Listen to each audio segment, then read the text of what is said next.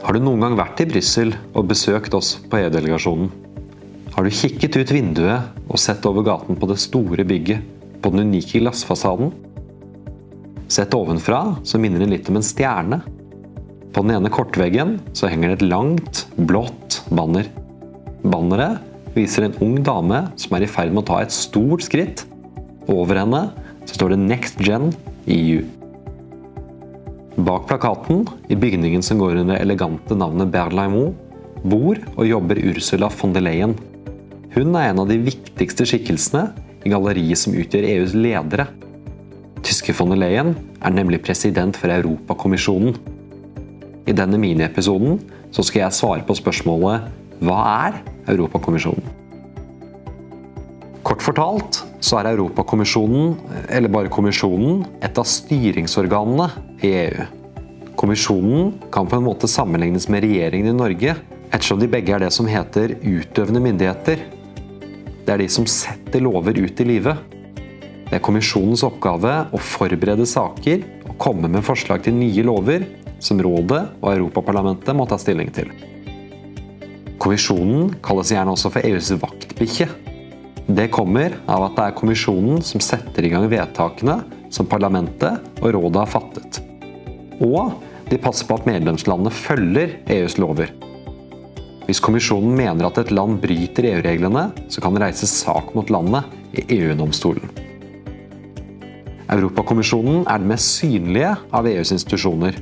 Ikke bare fordi det er rundt 32 000 ansatte som jobber her, men fordi kommisjonen skal fremme EUs felles interesser både når det foreslås nye lover, og når kommisjonen representerer EU internasjonalt.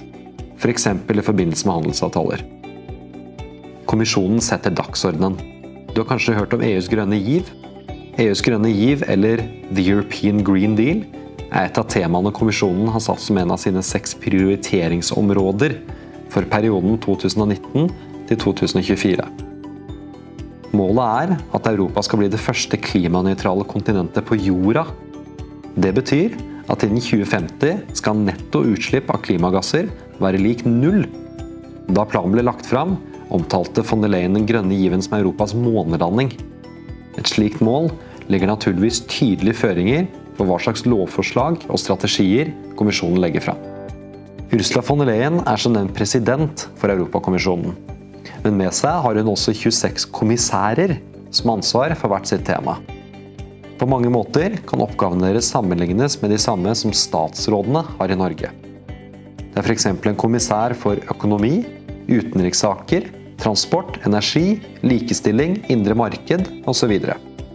Kommissærene og kommisjonspresidenten utgjør det politiske nivået i kommisjonen. De i alt 27 personene representerer hvert sitt medlemsland de nomineres av regjeringen i hjemlandet sitt og godkjennes av Europaparlamentet. Under det politiske nivået er kommisjonen delt inn i departementer som heter generaldirektorater. Det er f.eks. generaldirektorater for energi, miljø, handel, helse osv. I generaldirektoratene er det eksperter og fagpersoner som jobber med å utarbeide kommisjonens lovforslag. I sin helhet er kommisjonen organisert på en måte som skal sikre at den er uavhengig av nasjonale interesser. Kommisjonen arbeider for hele EU.